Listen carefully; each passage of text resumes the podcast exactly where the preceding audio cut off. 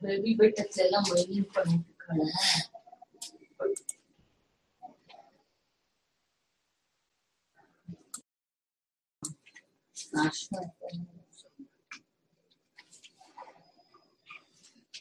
ஓது மலை இது ஒன்றும் இக்கு பதி எல்லாருக்கும் வந்து தேவம் நிர்மலஸ்பட்டிகாகிருதிம் आधारम् सर्वविद्यानाम् हयग्रीवमुपास्महे। श्रीहयग्रीवाय नमः। विधाय हृदि विश्वेशम् विधाय गुरुवन्दनम् बालानाम् सुखबोधाय क्रियते तर्कसङ्ग्रहः। विश्वेश्वरम् साम्बमूर्तिम् प्रणिपत्य गिराङ्गुरुम् टीकां शिशुहितां कुर्वे तर्कसङ्ग्रहदीपिकाम्। यत्र ह्यः उत्पन्नविनष्टघटे, उत्पत्तिक्षणावच्छिन्नघटे च, अथवा द्रव्ये च, अव्य, अव्याप्तिः गुणवत्वस्य तत्र अभावादित्याक्षेपः प्रवृत्तः। तस्य समाधानम् एवमुच्यते गुणसमानाधिकरणसत्ताभिन्नजातिमत्वस्य विवक्षितत्वात्। कोऽर्थः इत्येतत् तत्र शाब्दबोधविवरणावसरे अस्य विषये विस्तरेण उच्यते। तत्र जातिघटितपरिष्कारः इति सामान्यतः नव्यन्यायीय पारिभाषिकशब्देषु उच्यते। इति चेत् तत्र आद्यक्षणावच्छिन्ने घटे गुणो नास्ति इति यद्यपि अङ्गीक्रियते। तर्हि गुणवत्वं कथं लक्षणं भवति इति चेत् गुणसमानाधिकरणसत्ताभिन्नजातिमत्वम् गुणसमानाधिकरणजातिमत्वम् इति इति चेत् कोऽर्थः? यथा इदानीं मनुष्यः इत्येतत् कीदृशः इति प्रश्नः भवति चेत्। अस्माभिः किमुच्यते तत्र? तस्य द्वौ हस्तौ द्वौ पद द्वौ पा- पादौ एवम् एकः शिर, एकं शिरः, द्वे नेत्रे। एतादृश अवयवसंस्थानविशिष्ट विशिष्टः मनुष्यः इति उच्यते। परन्तु कस्यचित् अङ्गविकलस्य अथवा विकलाङ्गस्य एक एव पादः भविष्यति। तदानीं सः मनुष्यः इति अङ्गीक्रियते वा न?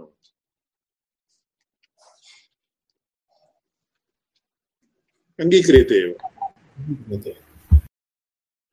तर्हि भवदुक्तं लक्षणं तत्र नास्ति खलु इति उच्यते चेत् किमुच्यते भोः इतरमनुष्येषु या जातिः वर्तते सा जातिः अत्र अस्ति चेत् पर्याप्तम् इति उच्यते। चेत् मनुष्यत्वजातिः अस्ति चेत् पर्याप्तं सः मनुष्यः। तर्हि मनुष्यत्वजातिर्नाम का इति प्रश्नः क्रियते चेत्। जातिः कथं एकत्र विद्यते। एकत्र, एका जातिः वर्तते इति कथं ज्ञायते? इति जिज्ञासायां प्रायेण प्रायेण इति अण्डर्लैन् कर्तव्यम्। प्रायेण आकृत्या ज्ञायते। आकृतिः इत्येतत् कोऽर्थः अवयवसंस्थानम् आकृत्या जातिः अभिव्यज्यते। अत एव तत्र न्यायसूत्रे किमु किमुच्यते? आकृतिः जातिलिङ्गाख्या। जातेः अस्तित्वे लिङ्गं ज्ञापकं अतः तत्र किं मनुष्यत्वजातिः अस्ति इति कथं ज्ञायते? आकृत्या ज्ञायते। आकृतिः इत्येतत् कोऽर्थः अवयवसंस्थानविशेषः अवयवसंस्थानविशेषः इत्येत् अत्र शिरः भवेत्। शिरसः अधः अथः तत्र ग्रीवः। वक्तव्यं वा? पश्यन्तु पुल्लिङ्गान्तं वा, स्त्रीलिङ्गान्तं वा इति। ततः परम् एवं वा किञ्चित् उच्यते आङ्ग्लभाषायाम् एवमत्र अस्मात् प्रदेशात् द्वौ बाहु अनन्तरं तथा एव पादद्वयम् इत्येवं विद्यमानानि अङ्गानि इत्येवं रीत्या अवयवसंस्थानम् अवयवसंस्थानात् किं ज्ञायते अत्र एतादृशी जातिः वर्तते इति ज्ञायते ततः आकृतिः जातिलिङ्गाख्या इति आकृत्या जातिः अभिव्यज्यते तर्हि तत्र आत्मत्वं जातिः इत्यङ्गीक्रियते इदं सर्वम् उपरितनप्रश प्रश्नरूपम्। आकृत्या जातिः अभिव्यज्यते इति चेत्।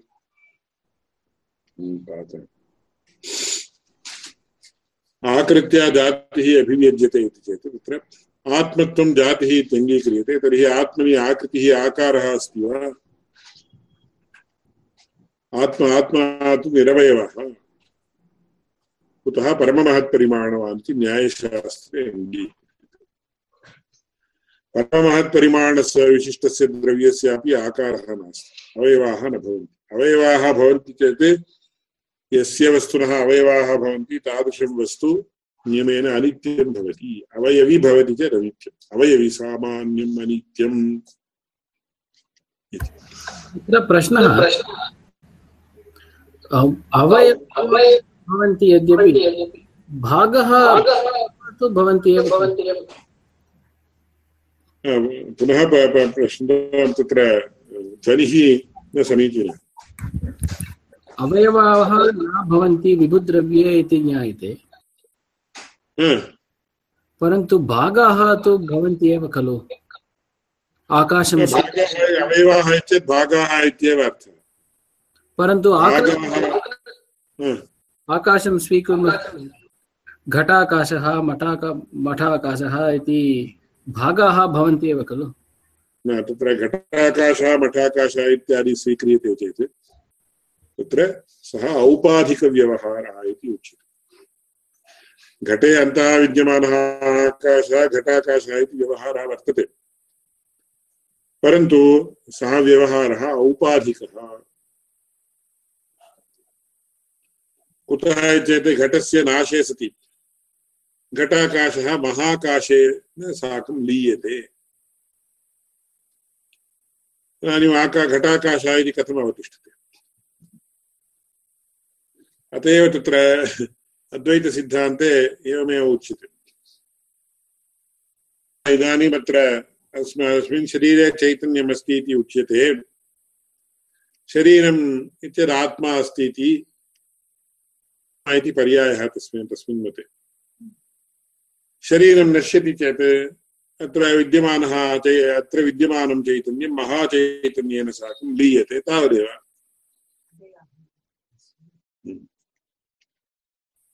अतः तत्र प्रत प्रत्येकशः आत्मा जीवात्मा नास्ति इति तस्य अभिप्रायः तेषाम् अद्वैतसिद्धान्तिनः अभिप्रायः अत्र वयं यं विचारं चर्चयन्तः स्मः स अन्यः घटाकाशः मठाकाशः इति विचारः अन्यः। अत्र मया किं विवक्षितम् इति चेत्, यस्य वस्तुनः अवयवाः वर्तन्ते सः वस्तु अवयवी अवयवी भवति चेत्, सः अनित्यः अथवा तद्वस्तु अनित्यम्। अवयवः इति भागः इति पर्यायः।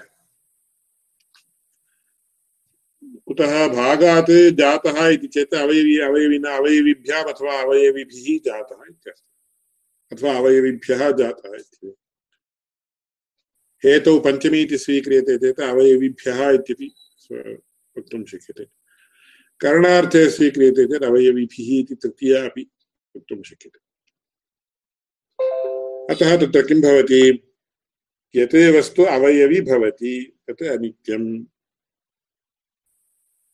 अत एव अस्माभिः आत्मा तत्र नित्यः इति सर्वैः वैदिकसिद्धान्तिभिः सर्वैरपि अङ्गीक्रियते। तत्र यदि नित्यत्वम् अङ्गीक्रियते, तर्हि एकम् अणुत्वं स्यात् अथवा परममहत्त्वं स्यात्। तस्य परमाणुपरिमाणरूपत्वं परमाणु परिमाणत्वम् अथवा परमाणुपरिमाणविशिष्टत्वं स्यात् चेत् तस्य नित्यत्वं भवेत्? द्रव्येषु। नो चेत् परममहत्परिमाणं भवेत्। एवं there are only two possibilities if a dravya is nitya, eternal. परन्तु तत्र आकारः न भवितुमर्हति अत एव। आकारः भवति चेत् सः पदार्थः अनित्यः। यथा इदानीं मनुष्य आकारः मनुष्यशरीरं वा भवतु, एतादृशवस्तूनि एतेषाम् आकाराः वर्तन्ते। आकारः इति आकृतिः इति समानम्।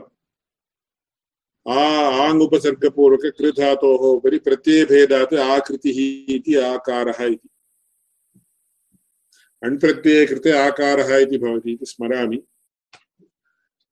तत्र अन्यः, अन्या काचित्, अन्यः कश्चन प्रत्ययः भवति चेत् आकृतिः तत्र।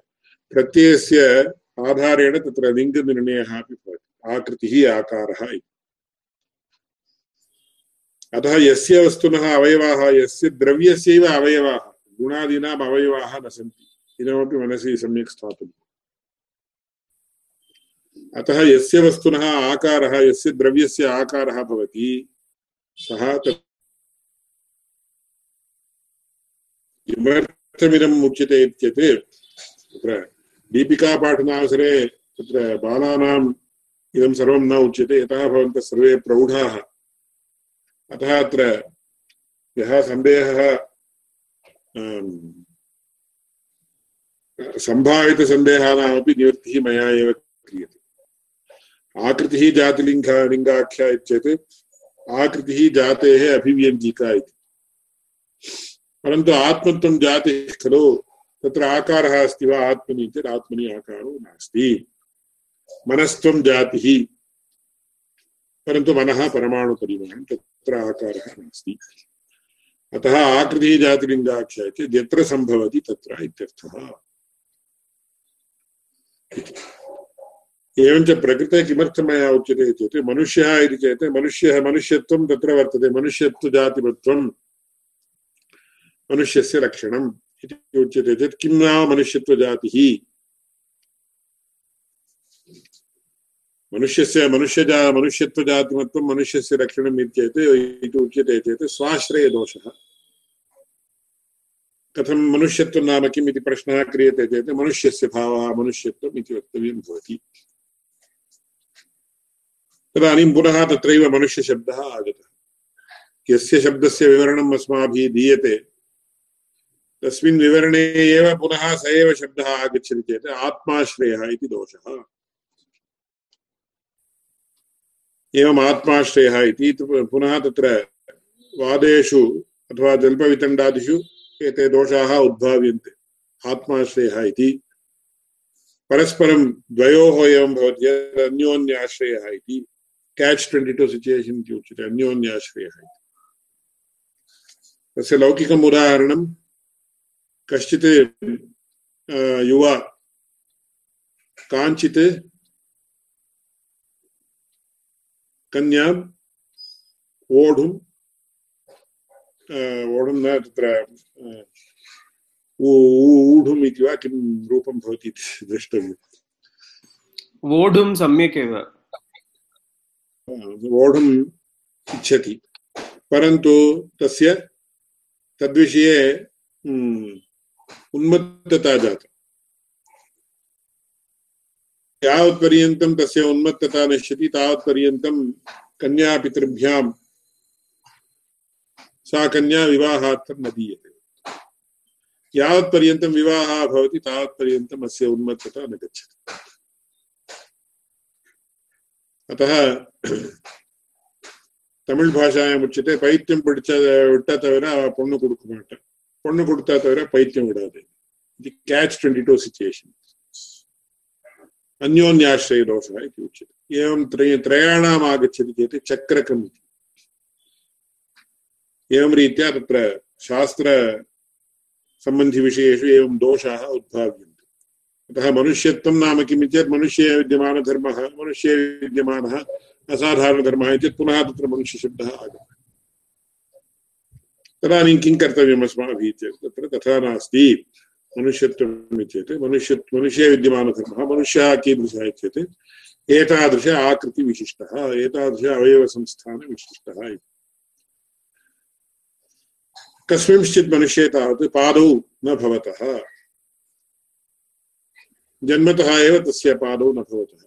तदानीं सः मनुष्यः इत्यङ्गीक्रियते वा न वा अङ्गीक्रियते। ए कथं भोः इत्येतत्, तत्र तदानीं किमुच्यते? अपवादः सः। नार्मल् ह्यूमन् बीङ्ग् चेत् एवं भवेत् परन्तु तस् कदाचित् अङ्गविकलाः अथवा विकलाङ्गाः जायन्ते। तदानीं किमुच्यते भोः? तत्रापि मनुष्यत्वमस्ति, कथमस्ति? साधारणमनुष्येषु या जातिर्वर्तते इति चेत्, कर्णच करचरणादिविशिष्टमनुष्येषु या जातिर्वर्तते तादृशजातिः तत्रापि अस्ति वा न वा? अस्ति। अतः तर्हि सोऽपि मनुष्यः इत्यङ्गीक्रियताम् अतः तत्र करचरणादिमत्वं मनुष्यत्वम् इति उच्यते चेत् तत्र तादृशकरचरणादिमत्वं विकलाङ्गे पादरहिते मनुष्ये अव्याप्तम् तदानीं किं क्रियते करचरणादि इति परिष्कारः क्रियते करचरणादिविशिष्टे मनुष्ये या जातिर्वर्तते सा जातिः अस्ति चेत् पर्याप्तम्। इति चेत् when we have to cover the exception, अपवादरूपाणां, तादृशजात्याश्रयव्यक्तीनां सङ्ग्रहार्थम् अस्माभिः जातिघटितपरिष्कारः इति क्रियते। एवमेव प्रकृते तत्र आद्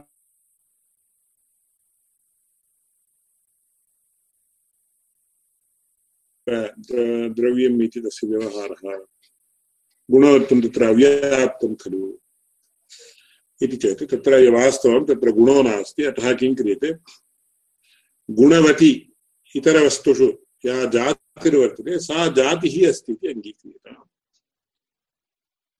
अस्माकं विवक्षा तावत् एवं वर्तते अस्य समीचीनम् उदाहरणम् इदमेव किमिति? करचरणादिमत्वं मनुष्यत्वम् इति यदा उच्यते, तस्य कस्मिंश्चित् तत्र चरणौ वा, करौ वा न भवतः चेत्। तदानीं किमुच्यते अस्माभिः? भोः इति तदेव इति नार्थः। करचरणादिमति इतरत्र विद्यमाना या जातिः, सा जातिः तत्रापि अस्ति चेत् पर्याप्तम्। तदानीं करचरणादिमद्विशिष्ट करचरणादिमद्वृत्ति जातिमत्वं मनुष्यस्य लक्षणम् इति क्रियते। तद्वत् गुणसमानाधिकरणजातिमत्वम् इति एवं क्रियते। गुणसमानाधिकरण इत्यर्थः गुणाधिकरणवद्वृत्ति। गुणाधिकरणवृत्ति इति। गुणाधिकरणवद्वृत्ति। गुणाधिकरणवृत्ति। तत् किन्नाम सामानाधिकरण्यं सामानाधिकरण्यम् ईक्वल्स् तदधिकरणवृत्तित्वम्। समानाधिकरण इति तदधिकरणवृत्ति इत्यर्थः। एवञ्च गुणसमानाधिकरणजातिः इति चेत् कोऽर्थः? गुणाधिकरणवृत्तिः इत्यर्थः। गुणाधिकरणं किम्? इदानीम् अत्र पुस्तकं वर्तते। गुणाधिकरणम् इदं पुस्तकम्। अत्र विद्यमाना या जातिः इति चेत्। सामान्यतः द्रव्यत्वजातिः इति उच्यते। परन्तु अत्र किमुक्तं गुणसमानाधिकरणजातिमत्वम् इति नोक्तम् अत्र किमुक्तम् अत्र पश्यन्तु गुणसमानाधिकरणसत्ताभिन्नजातिमत्वस्य विवक्षितत्वात् इति एवम् अत्र परिष्कारः कृतः। गुणसमानाधिकरणसत्ताभिन्नजातिः इत्यर्थः इति चेत्। इदानीं गुणाधिकरणम् अत्र इति उच्यते अत्र काः काः जातयः वर्तन्ते इति चेत् तत्र प्रथमतः सर्वव्यापिका सत्ता इति काचित्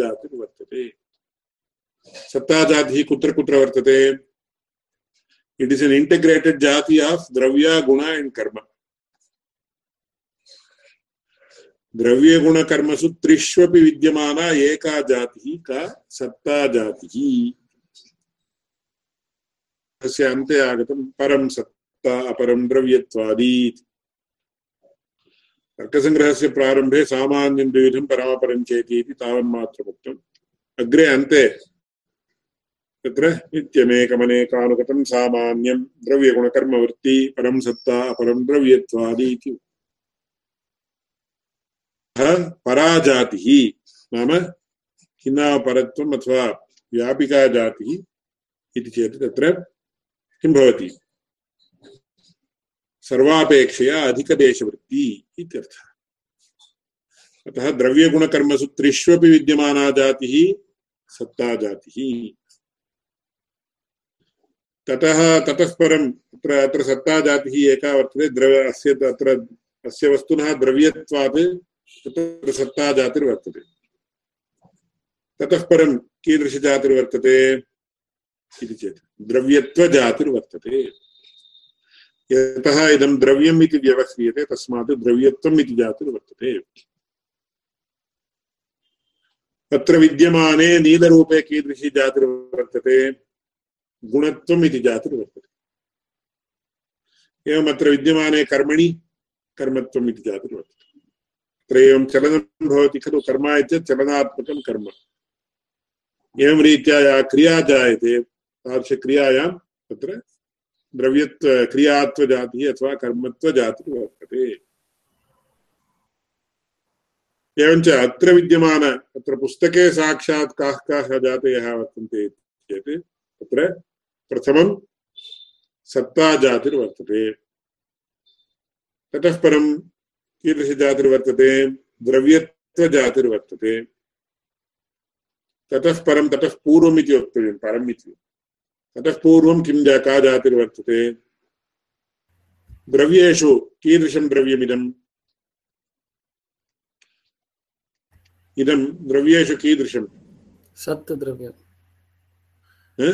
सत् द्रव्यं सत् द्रव्यं स इति समीचीनं द्रव्ये पार्थिवं पार्थिवं पार्थिवं द्रव्यं पार्थिवं द्रव्यं तस्मात् पृथिवीत्वं वर्तते ततः परं अथवा तत् तद्व्याप्या जातिः का चेत् पुस्तकत्वम् इति जातिः वर्तते एवञ्च अत्र चतस्रः जातयः वर्तन्ते अस्मिन् पुस्तके साक्षात् पुस्तकत्वं तद्व्यापकं पृथिवीत्वं तद्व्यापकं द्रव्यत्वं तद्व्यापकं तद्व्यापिका सत्ता इति चतस्रः जातयः परस्परव्याप्यव्यापकभावापन्नाः इति अतीव प्रधानं, तद्विषये अनन्तरं स्तरेण उच्यते। एवञ्च सत्ताभिन्नजातिः चेत् सत्ताभिन्नजातिः चेत् कोऽर्थः? द्रव्यत्वजातिः इत्यपि भवति।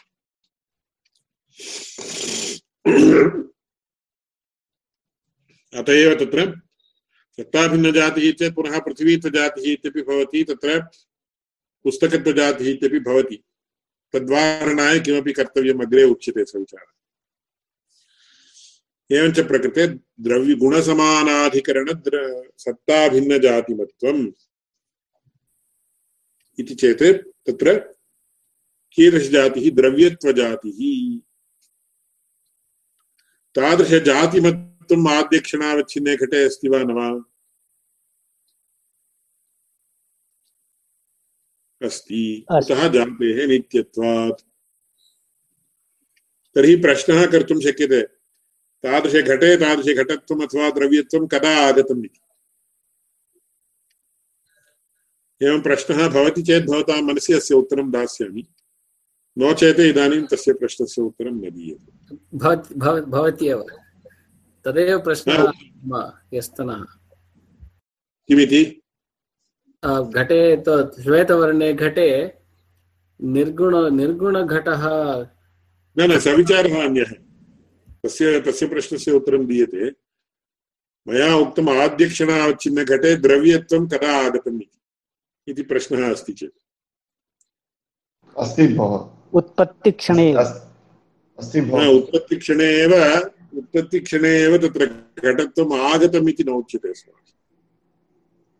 यतो गुण गुणाः सर्वे अन्य अन्यस्मिन् क्षणे आगच्छन्ति पुनः उच्यताम् ह्यः तु उक्तं भवद्भिः गुणाः सर्वे यस्मिन् द्वितीयक्षणे एव आगच्छन्ति तर्हि कथं घट घटत्वम् आगच्छति गुणाः सर्वे तथा भवन्ति घटत्वम् इति जातिः घटत्वजातिस्तावत् तत्र यदा घटः तत्र भवति तदानीमेव तत्र अभिव्यज्यते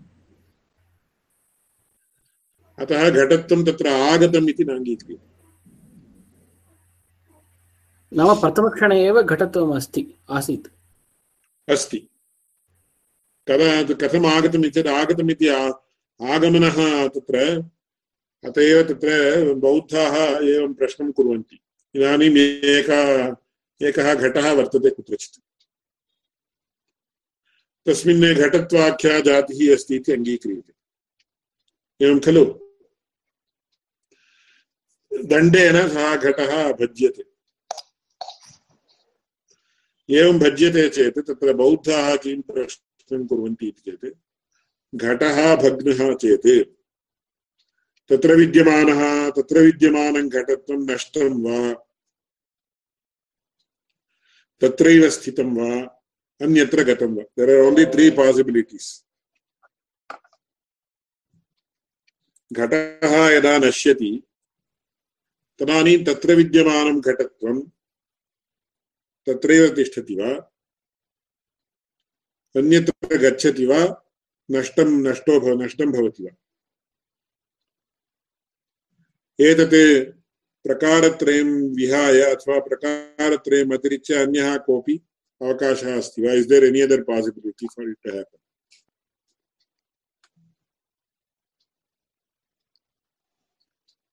घटत्वम् अस्मिन् घटे नश्यति। तर्हि। घटत्वं घट घटत्वं नष्टम् इति अङ्गीक्रियते चेत् घटत्वस्य नि- नित्यत्वं नित्यं जातिः नित्या इति यदुक्तं तत् सः सिद्धान्तः गतः। क्वचित् अन्यत्र विद्यते खलु? अस्मिन् घटे नास्ति। तथा तथा उच्यते। एक तर्हि अनेकघटत्वानि वर्तन्ते इति वक्तव्यं भवति। अत एव अस्माभिः जातिलक्षणे किमुक्तं नित्यम् एकम् अनेकानुगतं सामान्यम् इति। नित्यम् एकम् अनेकानुगतं घटत्वं निखिलजगति विद्यमानघटेषु विद्यमानं घटत्वम् एकमेव। निखिलगोषु जगति विद्यमान, गोषु विद्यमानं गोत्वम् एकमेव। तथा अस्माभिः पूर्वमेव ये गोत्वम् एकमेव इति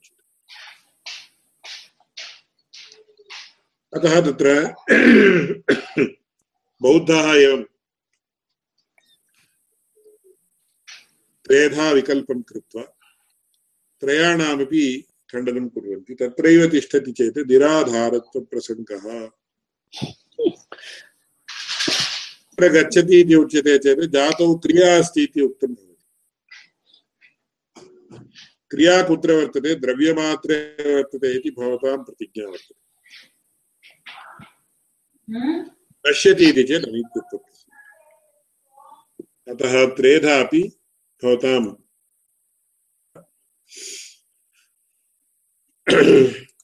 दोषग्रस्तः। अन्यत्र गच्छति इति चेत् क्रिया वर्तते इति उक्तं भवति। तदानीं क्रियाश्रयं द्रव्यम् अनित्यमपि भवति पुनः।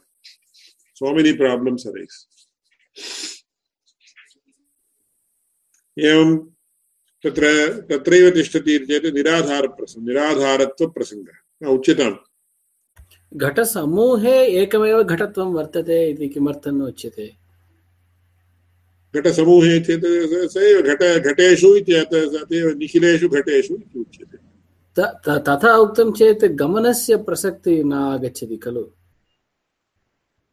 न इदानीम् एकः घटः वर्तते पूर्वम् अत एव मया तत् सम्यक् प्रतिपादितम्। एकः घटः वर्तते इदानीं मत्पुरतः। तत्र घटत्वमस्ति इति अङ्गीक्रियते खलु? अङ्गीक्रियते। तस्य दण्डेन भङ्गः क्रियते तादृश तादृशघटस्य इदानीं तत्र घटे विद्यमानं घटत्वं कुत्र गतम् अपरस्मिन् स्थले दशघटाः सन्ति इति चिन्तयतु। हम्म। तेषु गतम् इति न वक्तव्यम् इत्येव मम तेषु प्रथमघटस्य घटत्वं हम्म, अपरेषु दशघटेषु अन्यत्र वर्तमानेषु दशघटेषु गतम्। न गतम् इत्येतत् पुनः क्रिया क्रिया अङ्गीक्रियते गतं पूर्वमेव तत्र अस्ति। पूर्वमेव तत्र अस्ति इति कृत्वा निराधार इति वक्तुं न शक्यते। इदानीम् अत्र अत्र अत्र घटे विद्यमानघटत्वं कुत्र गतम्? तदेव घटसमूहम् इति एक, एकं सेट् इमेजिन् कृतं चेत् गमनस्य आवश्यकता नास्ति। तत्सर्वं समीचीनम् इदानीं तेषां प्रश्नस्य उत्तरं दीयताम्। इदानीम् अत्र एकः, भो अत्र एकः घटः, इदं घटम् इति अयं घटः इति चिन्त्यताम् अस्मिन् घटे विद्यमानघटत्वं यदा अहं दण्डेन इदं घण्ट, इदं घटं भञ्जयामि तदानीम् अत्र विद्यमानघटत्वं कुत्र गतं? तावदेव इति अस्य प्रश्नस्य आन्सर् आवश्यकम्। इति ते वदन्ति। आवश्यकता एव नास्ति इति मन्ये। तर्हि कुत्र अत एव three possibilities are there is it does it still exist here only? नाम does it go everywhere or does it does it uh, get uh, destroyed? चतुर्थं पासिबिलिटि अस्ति इति मन्ये। किमिति? अपरेषु घटेषु गमनं विना गन्तुं शक्यते घटत्वेन। नाम आकाशस्य व्यक्तिगत आकाशस्य पार पारं गमनं घटत्वस्य घटत्वं तथा पारं गत्वा अपरस्मिन् घटेषु गन्तव्यम् इति न आवश्यकम्। तदेव अतएव तदेव अस्माभिः उत्तरं किं दीयते चेत् एतादृशप्रश्नः न युक्तः इत्येव उत्तरम्। जातिः तत्रैव निराधारतया तिष्ठति इत्यपि नोच्यते जातेः द्रव्यवत् भावनां कृत्वा अयं प्रश्नः क्रियते। इति। जातिः अतीव विलक्षणपदार्थः it is not it is an abstract thing आङ्ग्लभाषायां सम्यक् तद् द्योतनार्थं समीचीनः शब्दः abstract it does not have physical dimensions physical dimensions आगच्छति चेत् तद् द्रव्यं भवति। अतः जा- अत एव ते किं वदन्ति? एवं रीत्या प्रश्न तत्र क्लेशाः भवन्ति चेत् अपोहरूपम् इति वदन्ति। अपोहरूपम् इति उच्यते चेत् तदपेक्षयापि क्लेशाः भवन्ति। अपोहा इति रथद्व्यावृत्तिः अघटव्यावृत्तिरेव घटत्वम् it is not a positive entity but it is negative entity इति ते वदन्ति। बहु बहु बहु चर्चा अस्य विषये वर्तते अस्माकं प्राचीनग्रन्थेषु, न्यायकुसुमाञ्जल्यादिग्रन्थेषु बहु गाढतया चर्चा बौद्धैः सह कृता अस्ति। एवञ्च प्रकृतम् अनुसरामः तत्र गुणसमानाधिकरणजातिमत्वम् इति। गुणसमानाधिकरणा या जातिः चेत् गुणाधिकरणे वर्तते या जातिः द्रव्यत्वरूपा जातिः इति इदानीं स्वीक्रियताम् सत्ता जातिरपि वर्तते खलु चेत् सत्ता भिन्नजातिमत्वं सत्ता भिन्ना जाति गुणसमाना, गुणाधिकरणे विद्यमाना या सत्ता भिन्ना जातिः चेत् द्रव्यत्वजातिः किमर्थं पृथिवीत्वजातिः, किमर्थं भवति, किमर्थं न भवति? आ, पुस्तकत्वजातिः किमर्थं न भवति चेत् तस्य परिष्कारः अग्रे कर् कर्तव्यः। We go one more level or two more levels above that स विचारः इदानीमेव मास्तु। अग्रे कथमपि वयं कुर्मः तत् अतः इदानीम् एवं तावत् तावन्मात्र एतावन्मात्रं स्वीक्रियते। वास्तवतया इदं न समीचीनं गुणसमानाधिकरण सत्ताभिन्नजातिमत्वम् इत्येतत् द्रव्यत्वजातिमत्वम् इति एवं द्रव्यत्वजातिर्भवति वा न वा चेत् भवति। अन्यदपि भवति तत् तस्य वारणं कथम् इति चेत् तदग्रे उच्यते।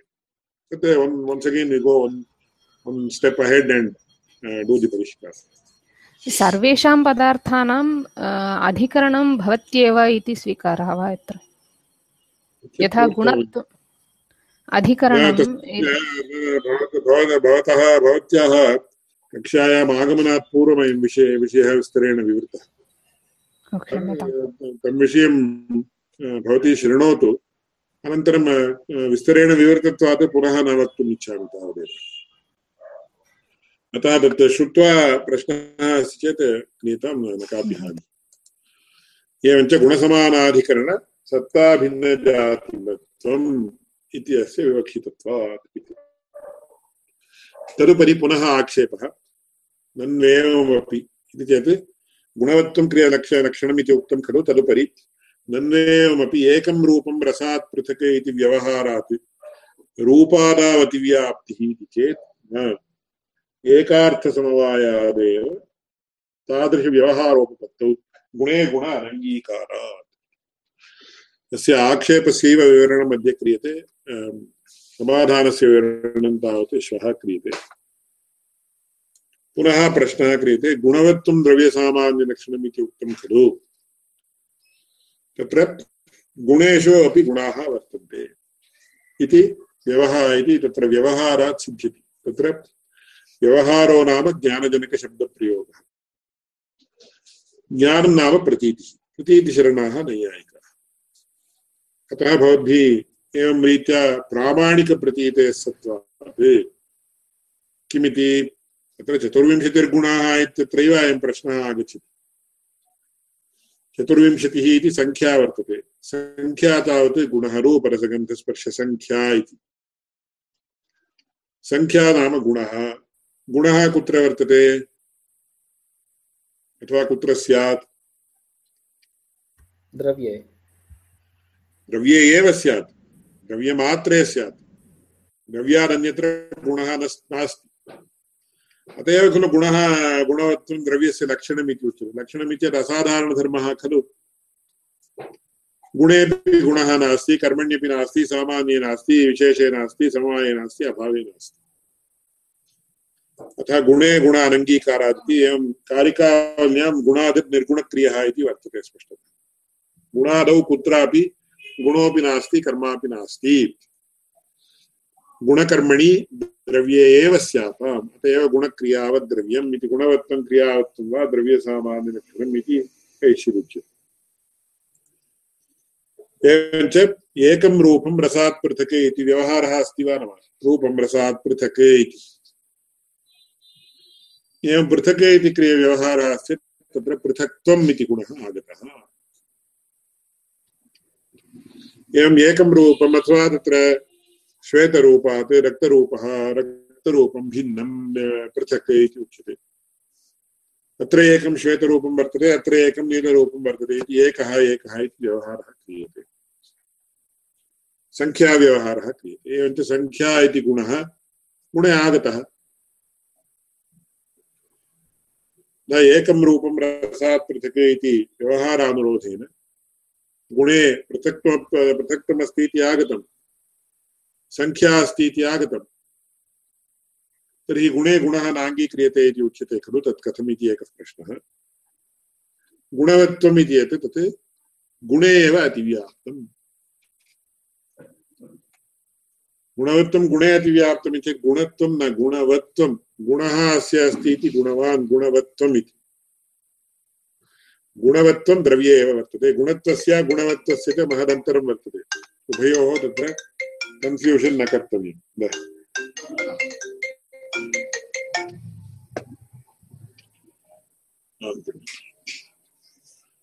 अतः गुणवत्वं नाम गुणसमानाधिकरणजातिमत्वम् इति यत्किञ्चित् स्वीक्रियता।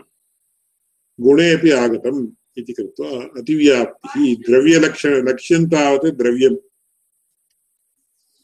लक्षणं गुणवत्वम् इति द्रव्यस्य लक्षणं द्रव्यलक्षणं कुत्र अतिव्याप्तम् गुणे अतिव्याप्तम्। इति चेत् तस्य एकार्थसमवायादेव। एकार्थसमवायादेव तादृशव्यवहारोत्पत्तौ। गुणे गुण अनङ्गीकारात्। अस्य विचारः श्वः प्रस्तूयते। एकार्थसमवायः इत्युक्ते परम्परासम्बन्धः सः स्वसमवायसंयुक्तत्वम् अथवा स्वसमवायसमवेतत्वम् इत्येवं रीत्या तस्य निर्वचनं कथं कर्तव्यम् इत्यादि विचाराः श्वः प्रस्तूयन्ते। इदानीं साक्षात् प्रश्नः अस्ति चेत् पृच्छन्तु।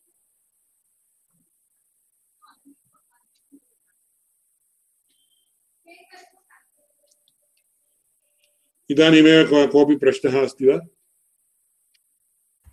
मम कोऽपि न। नमस्कारः स्वामी मम अल्पप्रश्नः अस्ति। हा, तत्र गुणसमानाधिकरणजाति इति उक्तं खलु? गन्ध गन्धसमानाधिकरणजाति इति। तर्हि तत्र तादृशी जाति तत्र वर्तते इति किं प्रमाणम्? अनुभवः एव प्रमाणम्। ओ अस्तु अनुभवः अस्माकं यथा अतएव मया एकः उत्तमः दृष्टान्तः प्रदर्शितः। इदानीं मनुष्यत्वजातिमत्वं मनुष्यस्य रक्षणम् इति उच्यते। किं नाम मनुष्यत्वम् इत्येतत्? तत्र करचरणादिमत्वम् इति। अस्तु अस्तु। करचरणादिविशिष्टे व्यक्तौ विशिष्टायां व्यक्तौ कोऽपि साधारणधर्मः वर्तते इति अस्माभिः ज्ञायते वा न। ज्ञायते। स एव धर्मः करचरण करच कस्मिन् व्यक्तौ अथवा कस्मिंश्चित् मनुष्ये वर्तते इति अस्माभिः ज्ञातुं शक्यते। अहम् एकम् उदाहरणं दास्यामि। तत्र तत्र जातिः कथम् अस्माकं सैकालजि मध्ये कार्यं करोति? प्रथमतः बालः कश्चित् एकवारं, व्याघ्रं महिषूरनगरे विद्यमानायां विद्यमाने मृगालये पश्यति। प्रथमवारं सः व्याघ्रं पश्यति। अयं व्याघ्रः इति जानाति। पुनः दिल्ली मध्ये विद्यमान कश्चन मृगालयं प्रति गच्छति इति चिन्तितम् तत्र गच्छति जो अयम् अत्रापि व्याघ्रः वर्तते इति स्वयमेव वदति, तदानीं पुनः परिचयकरणस्य आवश्यकता नास्ति तस्य कथम् अयं व्याघ्रः इति कथं ज्ञातः तेन। इति चेत् व्याघ्रेण साकं, व्याघ्रे विद्यमानः असाधारणधर्मोऽपि तेन गृहीतः। निखिलव्याघ्रवृत्तिः कश्चन असाधारणधर्मः गृहीतः, तस्यैव व्याघ्रत्वम् इति शब्देन व्यवहारः क्रियते। अस्माभिः एवं कदाचित् एवमपि वदति, अयं व्याघ्रः मया पूर्वं मैसूरुनगरे एव दृष्टः इति। अयं व्याघ्रः दृष्टो वा इत्येतत्? अयमेव व्याघ्रः चेत् कोऽर्थः? एतत् सदृशः व्याघ्रः तत्र दृष्टः इति। बालानां व्यवहारं पश्यन्तु। इति चेत् तत्र he has cognized the common factor that exists in the vyaghra or tiger. पुनः व्याघ्रस्य परिचयार्थं तस्य परिचयकरणं तस्य तत्र न आवश्यकम्। कदाचित् एकस्य व्याघ्रस्य एकः पादः ऊनः इति चिन्तितम् तदानीमपि सः किं करोति? व्याघ्रः इत्येव ए अस्य व्याघ्रस्य पादः एव नास्ति पश्य इति इति चेत् एकः तत्र चत्वारः पादाः भवेयुः खलु he has already cognized without he himself knowing that that common factor that exists in all the tigers तस्मात् एकस्य व्याघ्रस्य पादो वा अन्यः कश्चन अङ्गो अन्यत् किमपि अङ्गम् ऊनं चेदपि सः अयं व्याघ्रः इति वक्तुं प्रभवति वयं सर्वे वक्तुं प्रभवामः अतः तत्र एवं मनुष्यः मनुष्यः मनुष्यः इति अस्माभिः सर्वेषां दर्शनेपि एकस्य पादः नास्ति चेदपि तं मनुष्यः इति वदामः। एकस्य हस्तः नास्ति चेदपि, अय्यो, अस्य मनुष्यस्य हस्त एव नास्ति खलु इति दुःखं प्रकटयामः। इति चेत् तत्र विद्यमानमनुष्यत्वम् इति यः असाधारणधर्मः, तादृशजातिरूपः, सामान्यधर्मः, सः अस्माकम् अस्मदज्ञानेनैव we have we have cognized that common factor without ourselves knowing. it. अतः जातेः स्वरूपं तादृशं वर्तते। It is an abstract entity but somehow we actually understand साधारणतया अस्माभिः अत एव आकारद्वारा इति अधुना लुप्तजन्तूनां विषये इदानीं डैनोसर् वर्तते तस्य जातिः नष्टा इति स्वीक्रियते वा? नष्टा इति न अत एव मया उक्तं जातिः नित्या। इदानीं डैनसार् इति शब्दस्य कोऽपि शब्दः आनन्दमहाभागेन उक्तः किमिति? तत् तद् मास्तु भीमसरटः इति। अस्तु यथा कथमपि भवतु। तत् विनोदार्थम् उक्तं मया अस्तु। भीमसरटत्वम् इति जातिः। सा इति चेत् तत्र तत्र विचाराः बहवः वर्तन्ते। भीमसरटत्वं जातिः इति चिन्त्यताम् जातिः इति अङ्गीकुर्मः, कुतः भीमसरटाः अनेके आसन्। इति भीमसरटत्वं जातिः इति। सा जातिः इदानीमपि अस्ति, परन्तु अनभिव्यक्ता इति। भवत्याः प्रश्नः उत्तमः वर्तते। यथा इदानीं अन्य तत्र many animals have become extinct तर्हि तत्र विद्यमाना जातिः कुत्र गच्छति जातेः नित्यत्वम् अस्माभिः प्रतिज्ञातं प्रतिज्ञातम् इत्येतत् वस्तु अनुगुणतया उक्तं तावदेव। Just because we have told like that we want we don't want to substantiate that view point अधिकरणम् अधिकरणं नास्ति इत्यनेन बौद्धानाम् आक्षेपः अयुक्तः खलु। आक्षेपः न युक्तः अभिव्यक्त- इति वा? अयुक्तः इति। अधिकरणं नास्ति इति आक्षेपं कुर्वन्ति ते। हा, आक्षेपेण अधिकरणेन विना अपि ए, जाति अधिकरणेन विना इति चेत् अधिकरणम् इदानीम् आकाशस्य अधिकरणम् अस्ति वा? आकाश अधिकरणम् इत्येतत् अतएव पुनः we have to once again we have to analyse अधिकरणं नाम किम्? यत्र आधेयं वस्तु तिष्ठति तदधिकरणम्। इदानीं मम हस्तस्य उपरि पुस्तकं वर्तते अत्र पुस्तकम् आधेयम् इदम् अधिकरणं भवति। अधिकरणम् इति मम हस्तः अधिकरणम् इति इदानीं कस्य अधिकरणं? न कस्यापि अधिकरणम्। एवं पुस्तकं निक्षिप्यते चेत् तदानीं पुस्तकस्य अधिकरणम्। अतः एवं मूर्तं वस्तु अस्ति चेत् तस्य एवम् इदम् अधिकरणम् इति वक्तुं शक्यते। मूर्तम् इति चेत् एवं परिमाणादिविशिष्टं डैमेन्शन्स् इति परिमाणम् इति स्वीक्रियते। तद्वत् जातिः परिमाणादिविशिष्टं वस्तु न। अतः निराधारतया तिष्ठति इति चेत् एतादृशवस्तु अस्ति चेत् परिमाणविशिष्टं वस्तु अस्ति चेदेव तस्य आधारप्रश्नः आगच्छति। अतः तत्र परिष्कारोऽपि एवमेव कृतो वर्तते खलु? किमिति? बौद्धस्य आक्षेपस्य परिष्कारः आक्षेपस्य बौद्धस्य आक्षेपस्य परिष्कारः इति न वक्तव्यम्। परिष्कारः इति शब्दः लक्षणस्वरूपकथने एव परिष्कारशब्दः उपयुज्यते। हम्म, बौद्धोक्तस्य उत्तरम् इति वक्तव्यम्। बौद्धोक्तप्रश्नस्य उत्तरम्।